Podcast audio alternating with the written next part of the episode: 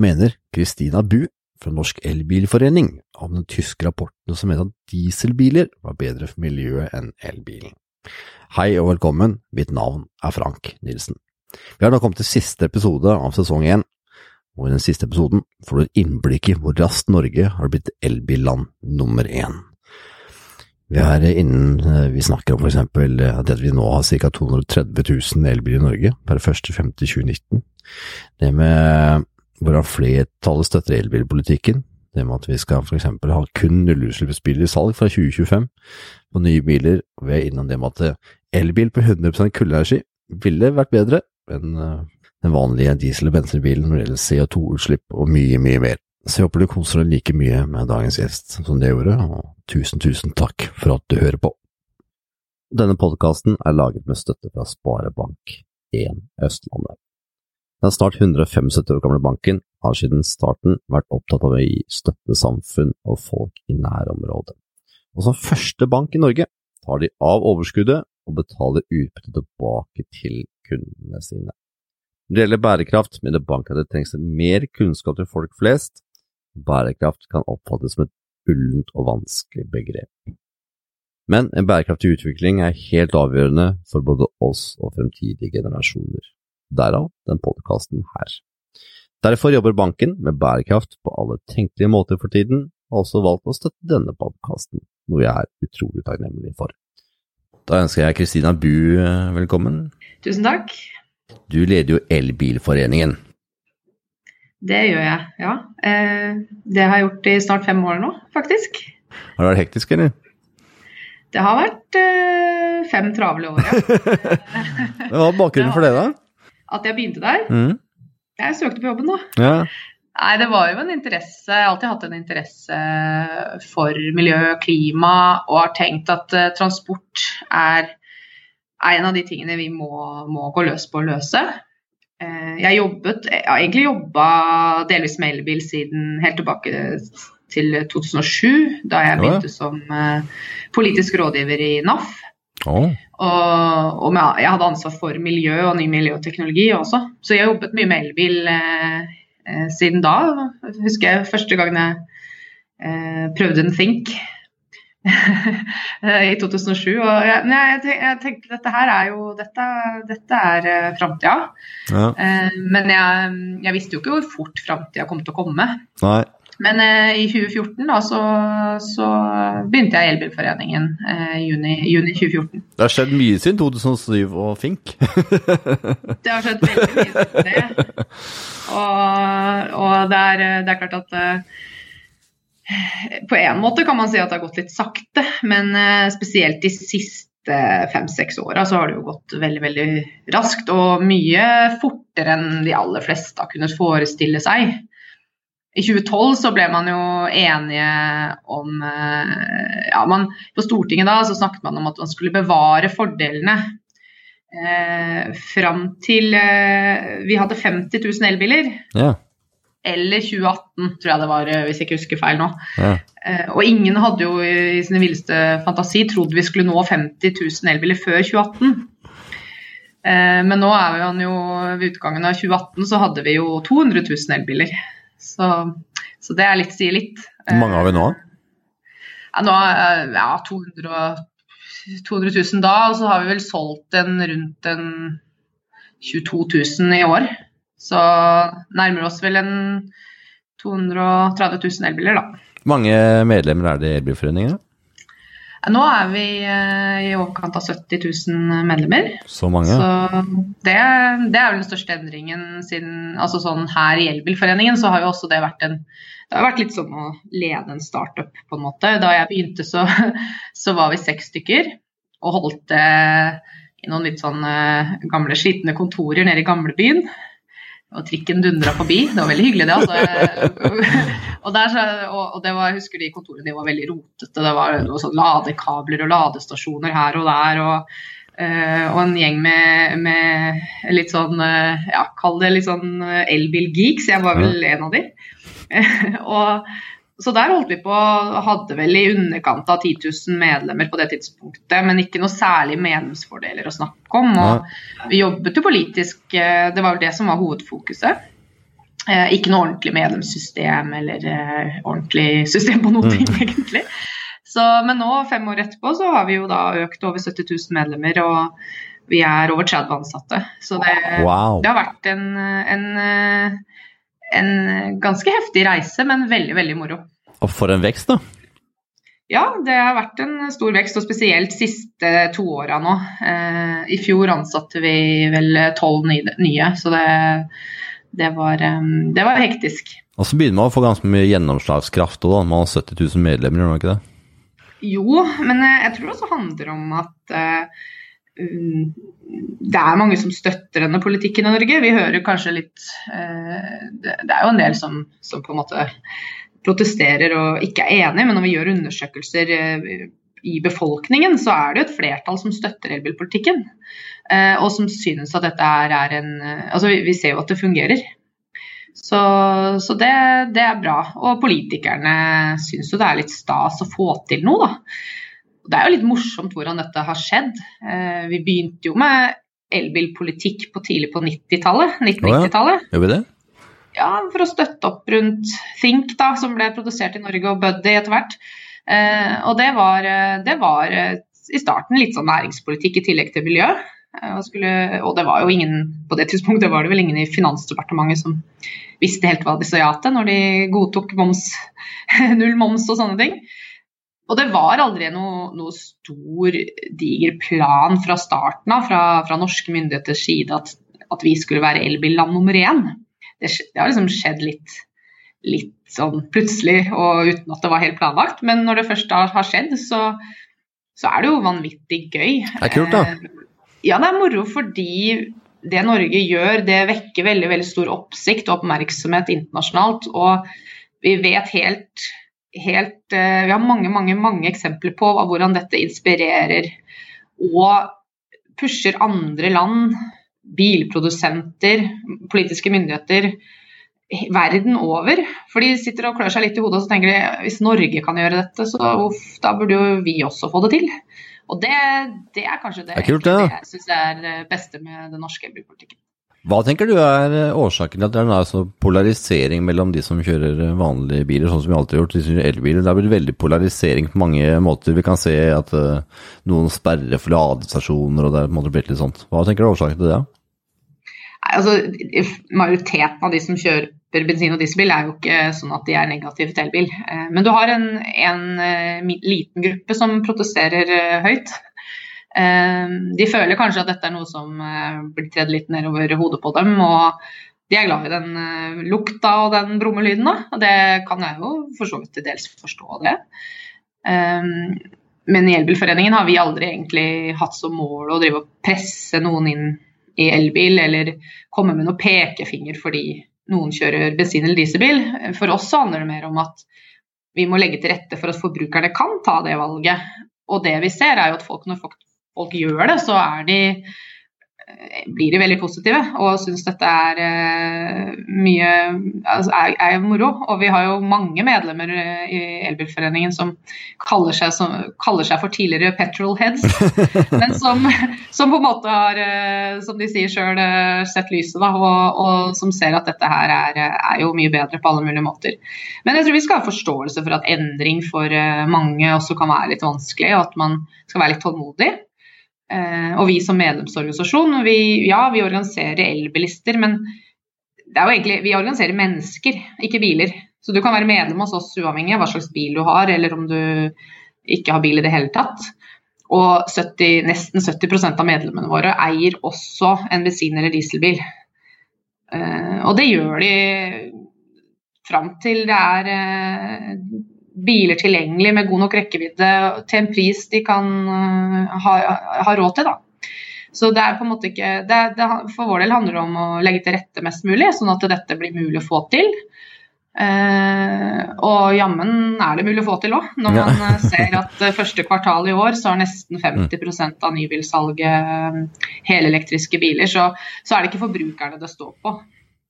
Nei, og tror du kanskje det har litt med at man eh, føler urettferdigheten rundt at noen på en måte slipper både veiavgift og de slipper bom og man slipper eh, andre typer ting, altså mens de som eh, har den bilen de alltid har hatt, de må, må ut med de utgiftene. Tror du det er en årsak, eller? Ja, helt klart at folk føler at det er litt sånn urettferdig. Det kan man jo forstå. Naboen har kjøpt seg en flunkende ny elbil og slipper bom, og, og her sitter jeg med min gamle diesel. eh, men da er det jo liksom viktig å huske på at uh, grunnen til at vi har disse insentivene, det handler jo ikke om først og fremst at en elbil eh, altså skal, skal ha, ikke skal være med å betale, men det handler jo om å få eh, altså få hjelpe ny teknologi inn i markedet, egentlig. Og disse bilene er veldig, fortsatt mye dyrere å produsere. Så vi hadde ikke hatt det salget vi hadde hatt uten eh, avgiftsfordeler. Og så er det, er det også sånn at det, jeg tror noen glemmer litt òg, at det fortsatt krever litt ekstra av oss som forbrukere å, å kjøre elbil. Eh, spesielt hvis man skal på langtur osv. Du må mm. planlegge, det er eh, mangel på ladestasjoner det krever noe å sette seg i noe nytt. Sånn at det er, det er ikke liksom det er enklere å, å, å, hoppe i en bensin- eller dieselbil fortsatt. Og det skal vi ikke glemme. Er, vi har fortsatt en vei å gå før dette her er, er like enkelt og greit. Jeg tror det er mange som har hengt seg opp i den økonomiske delen av det. Og så, ikke, så vet man kanskje ikke om ulempene, da. For det er nå en gang så at du skal på en på litt på langtur, og du, du må liksom stoppe innom en halvtime, tre kvarter og lade hvis du kommer på som du kjører, selvfølgelig. For ja, å komme videre. Hvis det er kø kø i tillegg på stasjonen, ja. så, sa ikke det så bra. så, så, står, så står det der enda Ja. Tror du vi hadde vært like langt som det vi er nå uten Elon Musk og hva han har gjort eh, og fått til fram til nå? Nei, jeg tror ikke det. Jeg har mye, mye dialog med bilprodusenter. Mm det kan jo høres litt sånn rart ut. Hvorfor har en forbrukerorganisasjon i Norge veldig mye dialog med bilprodusenter? Men, men, det er jo fordi at Norge er det eneste landet i verden hvor vi, vi er i et tidlig massemarked. Eh, og dermed ha veldig mye kompetanse og innsikt i hva si, vanlige folk tenker og hvordan de bruker elbil osv. Så, videre. så vi, vi, møter stort sett alt av bilprodusenter, på, ofte på toppnivå. Det, det er stas. Og jeg merker en veldig stor endring de siste tre-fire åra fra bilprodusentenes side. Og noe av det er nok eh, et ønske om å, å, på en måte altså, Noe av det kommer nok fra eget initiativ, men det er klart at de har satt opp farta. Eh, det ene er Tesla, som, eh, som nok har sjokkert markedet en del med suksessen sin. Men nå de senere år også det som foregår i Kina eh, har nok også en, i hvert fall nå en veldig, veldig stor påvirkning på at de mer tradisjonelle bilprodusentene også har begynt å sette opp farta. Eh, de har vært treige, mange av de. Eh, unødvendig trege, egentlig, og det sier jeg til dem òg. Eh, de har på en måte sittet rundt og venta eh, og ikke hatt lyst, og det, det, kan man egentlig forstå hvorfor. Fordi de har jo egentlig bare alt å tape på denne overgangen. Spesielt fordi altså de, det, det, å produsere en, en, bil med en konvensjonell motor, det er det de har gjort i 100 år, og det er dette de kan. Eh, de har all eh, kompetanse og, og, de har bygd opp fabrikker. De, alt er eh, veldig store investeringer gjort i dette, som egentlig bare kan kaste på båten med, med å, når de går over til elbil. Og det andre er at de har stor inntjening eh, fra annonsmarkedet. Altså rett og slett å fikse bilen for deg etterpå. etter at du sånn. Og en panelbil er det ikke så mye å fikse. Nei. Så den, den, inntjeningen der vil også falle dramatisk. sånn at ja. de har veldig store grunner til å, å forsinke den overgangen. Men så har det kommet nå til et punkt hvor, hvor du får nykommere i markedet. og det er Tesla er et eksempel, men det, men det skjer ekstremt mye mange steder, og spesielt i Kina. Hva skjer der, da? Jeg har ikke fått med det. Hva skjer der? Nei, der, skjer det, der er det jo plan, planpolitikk. Der eh, har de bare bestemt seg for at eh, elbil er eh, framtida. Og de gjør det av to grunner. Det ene er eh, lokal luftforurensning i, i storbyen der, som er blitt på sånt nivå at, at folk faktisk til og med begynner å protestere i Kina. Eh, som er dramatisk. De vil ikke leve på den måten helsemessig eh, veldig, veldig utfordrende. Så i Kina snakker de veldig mye om blue sky, eh, ja. og det handler om lokal luftforurensning.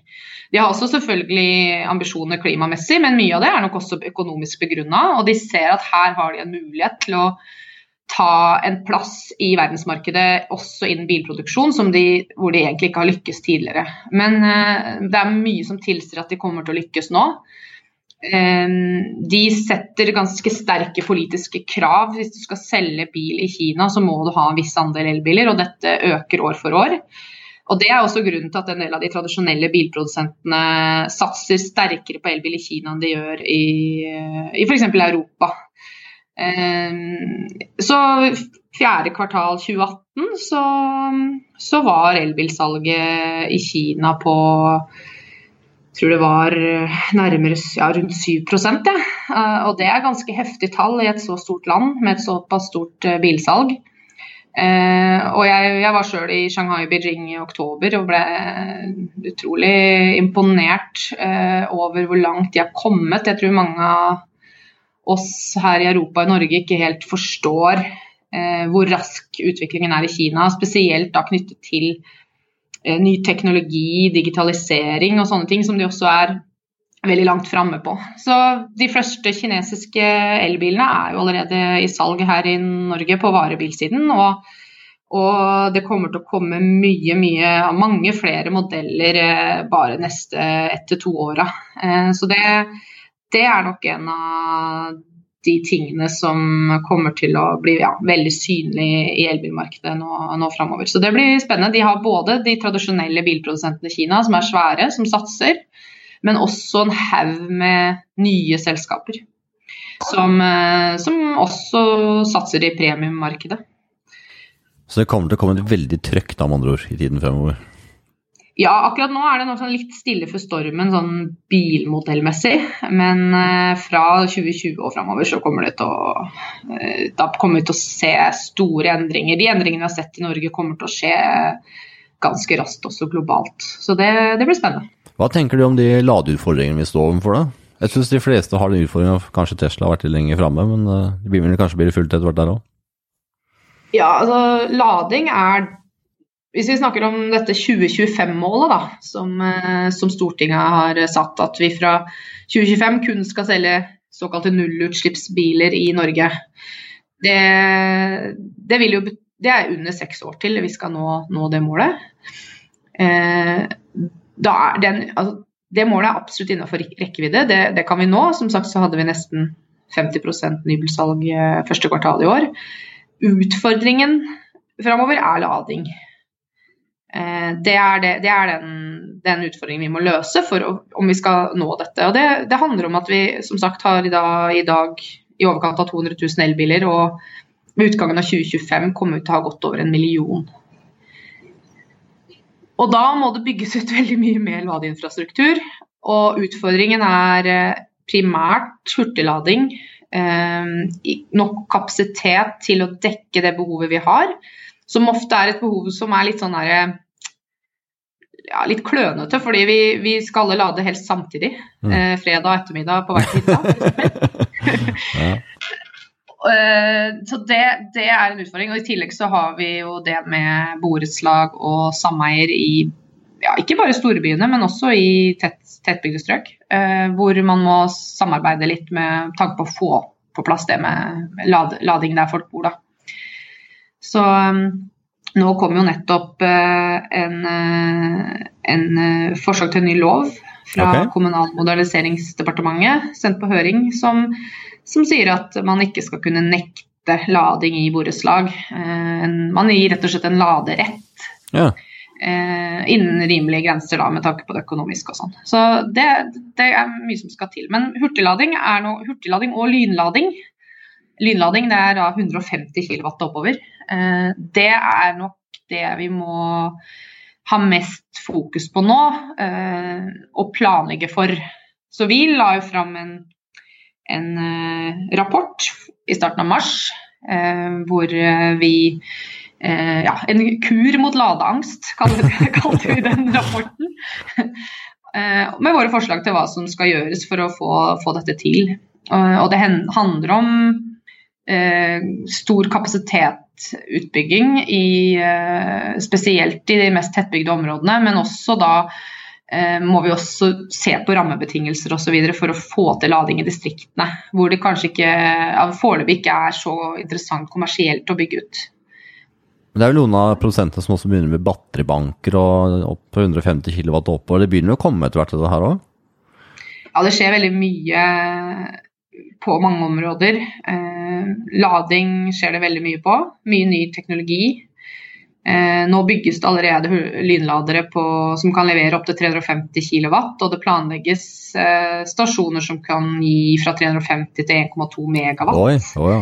Da snakker vi snakker um, lading til, også til to, tyngre transport, ja. som, som, er interessant. Men, ja. men ja, også det med um, å bruke batteriene uh, Gjenbruke batteriene når de er ferdig i en bil. Uh, da snakker man batteribanker osv. Så, videre. Så Nissan f.eks. har allerede begynt å gjøre dette kommersielt. Selge eh, batteribanker til husholdninger som ønsker å ha, ha det, med, med, gjenbrukte batterier. Så batteriene har, eh, etter at de er ferdig med bilen, så i bilen så har de et liv nummer to. Yes.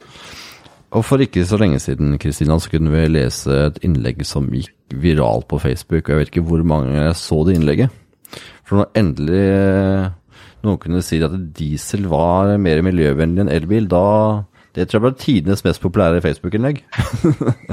det toppa i hvert fall uh, delinger i april på Facebook, så jeg. Ja. Statistikken på. Ja. Så det var mange som syntes det var veldig gøy å kunne dele at det var, at altså, noen tyske forskere hadde funnet ut akkurat det. Hva er dine tanker om denne? Nei, eh, vi, jeg var ut, uttalte meg om dette og kalte den studien, studien ubrukelig. Um, og det, det, er den. Det er eh, riktignok et økonomisk institutt som er anerkjent eh, i Tyskland, men, men eh, man er ikke nødvendigvis god på livsløpsanalyser. Eh, selv om man, eh, selv om man, eh, er, ja, om man er økonom. Mm. Så den, den undersøkelsen plukka, ble fort plukka fra hverandre. De har gjort egentlig ganske gjennomgående gjort valgt tall og underbygd med tall som gjør dieselbilen så god som mulig, og det omvendte for elbilen. Så andre forskningsinstitusjoner som, som, faktisk forsker veldig mye på livsløpsanalyser, som det heter, de, de har jo kommet fram til at uh, altså, jevnt over så er det jo elbilen som kommer aller best ut. Og dessuten så er det litt sånn problemstilling som blir litt sånn blir jo litt tullete. fordi vi, i hvert fall vi som tror på at vi må gjøre noe med klimaendringene, da, eh, og at de er menneskeskapte. Da er jo egentlig bare løsningen én ting. Da. da må vi over på fornybar energi. Og hvis vi skal fortsette å kjøre bil og bruke kjøretøy, så må det være kjøretøy som kan bruke fornybar energi. Og jeg mener at vi, vi, altså vi har ikke tid til å vente til vi har 100% fornybar elektrisitetsproduksjon i verden fra, før vi begynner å produsere biler og kjøretøy som kan bruke den fornybare energien. Vi må gjøre begge deler så fort vi kan. Og da blir det, altså I Norge er det jo aldri noe tvil, vi har allerede 100 fornybar eh, strøm. Eh, mens eh, selv i Tyskland, med, med en god del kull, så kommer elbilen allerede i dag best ut. Og den vil bare bli bedre og bedre og bedre etter hvert som de eh, går over på mer og mer fornybar elektrisitetsproduksjon. Og det satser de jo selvfølgelig mye på med tanke på vind og sol osv. Så, videre. så det er jo egentlig en diskusjon Status Q er jo egentlig ikke så interessant. Vi skal eh, til nullutslipp, og da er eh, en eh, bil med elektrisk motor i hvert fall foreløpig løsningen. For liksom det argumentet jeg syns jeg ofte hører, er at elbilene de kjører på kull. Altså at vi kjøper mye fra kullkraftverk. Uh, og da blir det jo ikke så miljøvennlig lenger heller. Så hva, hva, tenker du om den tanken, den påstanden der, da? Den uh, hvis, hvis, en elbil går på 100% kull, noe den ikke vil gjøres noe sted i Europa, uh, så vil den komme ca. likt ut som en dieselbil. CO2-messig. Men, eh, men, så har du jo eh, lokale utslipp som du da fjerner. Så der har du en fordel. Men poenget mitt er, eh, som, altså poenget er jo at vi skal jo vekk fra kull. vi skal over på fornybart. Og selv i dag med en europamiks på elektrisitetsproduksjon, så, så er jo elbilen langt, langt, langt bedre. Ja. Og den blir bare bedre og bedre etter hvert som vi får mer og mer fornybar energi. Hvor er det du ser oss om eh, ti år, da? Oss som i Oss som Norge, el- eller Elbiler? Ja, ja. Vi tar Norge først, da. Ta Norge først. Nei, da er vi jo godt forbi eh, 2025. Så da, da selges det kun eh, elbiler eller nullutslippsbiler, da. Eh, og vi burde jo Kanskje er vi fortsatt også en, eh, en testlab, sånn som i dag, på nye Ja. løsninger. Um, det er nok skjedd en del også knytta til autonomiteknologi. Uh, autonome kjøretøy også mye på andre områder enn på personbil. Det er også interessant hvordan, hvordan, hvordan vi bruker transport også endrer seg. Med tanke på Spesielt i byene, da. Bildeling osv. Så, um, så ja, nei, det blir spennende. Men eh, jeg er nok ganske sikker på at vi har en del kinesiske kjøretøy. ja. Det her vet du veldig mye mer om meg. Jeg snakket med, med miljø- og innovasjonssjefen i Volvo rett før jeg pratet med deg. Uh, og de satser veldig mye på dette med busser og lastebiler og sånn, over, og få det over til eh, gass eller til el. Så det er jo eh, helt klart at det skjer jo utrolig mye på jeg håper å si kort tid. Men det kan være for at jeg har blitt mer oppmerksom på det, oppmerksom på det ellers har det på en måte blitt en sånn derre ballen har virkelig begynt å rulle, og flere og flere må på en måte være med på bølja, og da blir det mer synlig også. For det, nå er det så utrolig mange elbiler at her om dagen så kjørte jeg i en kø i kollektivfeltet. Elbilkø, ja. Nei, Det er det, det, er, det er som du sier, det er egentlig nyheter vi får i dag som vi på en måte ikke hadde sett helt for oss for veldig kort tid siden. Eh, man, man på en måte glemmer å bli litt overraska nesten. Og jeg syns det som er er verdt å trekke fram òg, er jo det som skjer innen maritim sektor i Norge, hvor vi er eh, veldig veldig langt framme globalt med tanke på elektrifisering. Oh, ja. Jeg synes det er Hva skjer der, Kristina? Det har ikke jeg fått med meg. Hva skjer der? Nei, vi har jo eh, allerede flere fullelektriske ferjer som går i Norge. Og ved utgangen av 2021 så er det planlagt at vi kommer til å ha over 60. Og da snakker vi ferger ferjer med, med, med ja, bilferjer som er helt elektriske. Og så kan vi også nevne Yara Birkeland-skipet, et eh, helelektrisk containerskip skip som eh, er vel ferdig neste år, tror jeg, hvis okay. ikke tar feil. Ja. Som, eh, som også skal på litt lengre sikt bli helt autonomt og kjøre for egen kjøl. Så det, det Og der er jeg litt Spennende. av det Norge får til, og norsk maritim industri. Der er vi verdensledende, og det vekker eh, global eh, oppsikt. Og det er klart at her ligger det også store muligheter eh, for eksport og, og ja, en ny en næring som, som er i vekst. Da. Og ikke minst at det maritime står for utrolig mye utslipp òg. Det gjør jo det, så det, det er moro at vi er i, i førersetet. Det ser også mye på fly, på elektriske fly. Jeg testa sjøl et elfly i, eh, i jeg tror det var i september i fjor. Ok, åssen var det? Det var, det var veldig gøy. Ja, var det? Eh, ja, så det er Avinor som eh, kjøpte dette første elektriske flyet. og okay. de, de har ganske store ambisjoner med tanke på å elektrifisere luft, eh, altså flytransporten i Norge. Oh, ja? Eh, så det, det er også nærmere enn vi tror. Ja, er det det? Ja, åssen var det? ja, de planlegger jo å ha all eh, nasjonal eh, flytransport på el før 2040. Oi. Og de planlegger også å begynne på de første strekningene, kortere strekninger i, fra 2025 allerede. Ja. Så det er ikke lenge til. Åssen uh. var den opplevelsen, da?